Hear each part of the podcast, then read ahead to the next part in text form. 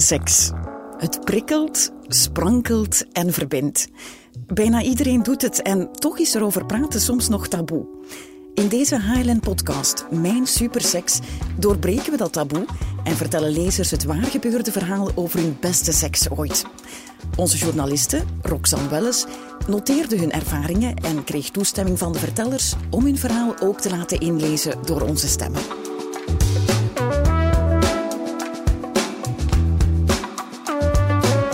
Deze aflevering vertelt Nick over zijn one-night stand met een yogalerares op vakantie in Thailand. Mijn verhaal speelde zich af vorig jaar in Thailand. Ik was er op vakantie om vrijwilligerswerk te doen in een schooltje. In onze vrije tijd trokken we er meestal op uit met een groep vrijwilligers. Na twee maanden zat het erop en ging iedereen één voor één terug naar huis. En uiteindelijk was ik zo goed als alleen in het resort. Ik ging dan maar in mijn eentje naar het strand. Zo'n twee dagen voor mijn vertrek naar België zag ik er een knappe, blonde vrouw yoga doen. Ze leek ook alleen te zijn. Ik was blij dat ik een andere toerist tegenkwam, want dat was uitzonderlijk geworden. Ik raapte mijn moed bij elkaar en besloot haar aan te spreken. Ze leek ook blij een toerist te zien. Ze stelde zich voor als Marcella, een Poolse yogalerares die een paar maanden in Thailand was geweest om er yogalessen te geven aan ouderen. Ik had weinig te doen en vond haar wel leuk. Dus vroeg of ze mij les wilde geven. Ik had nog nooit yoga gedaan.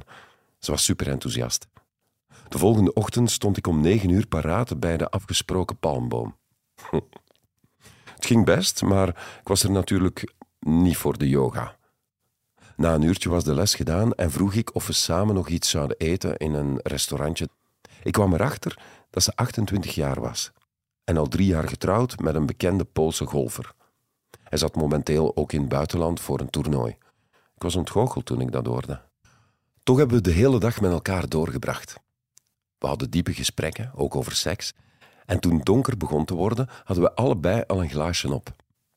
Er hing een seksuele spanning in de lucht die brusk werd doorbroken door het feit dat zij de volgende dag weer gewoon yogales moest geven. Toen we afscheid namen van elkaar, knuffelden we innig en was er een snelle zoen op de mond. Maar toen draaide ze zich om met een simpele goodbye en wandelde weg. Toen ik terug was in mijn resort, begon ik mijn koffer te pakken. De volgende dag had ik al om twee uur mijn taxi richting de luchthaven van Bangkok. Iets in mij zei dat ik Marcella sowieso nog opnieuw moest zien voor ik vertrok. Ik stuurde haar een bericht en ging ochtends naar haar appartement. Daar stond ik dan, met mijn grote valies voor haar deur. Ze bood mij een wijntje aan en zei dat ze blij was om mij terug te zien. Ze vroeg wat ik nog wilde doen voor ik vertrok. Ik pakte haar vast en we begonnen te kussen onderweg naar haar bed. Hoeveel tijd is er? zei ze. Bijna vier uur, antwoordde ik. Goed, dan kunnen we vier uur seks hebben. Ze begon me meteen te pijpen en maakte elke vijf seconden oogcontact. Het was heel opwindend. We deden het in alle mogelijke standjes. Omdat ze zo lenig was, lag ze soms in posities waarvan ik dacht dat ze niet mogelijk waren. Haar benen gingen alle kanten uit. Do you like anal? vroeg ik. I love it, antwoordde ze. Dus dat deden we.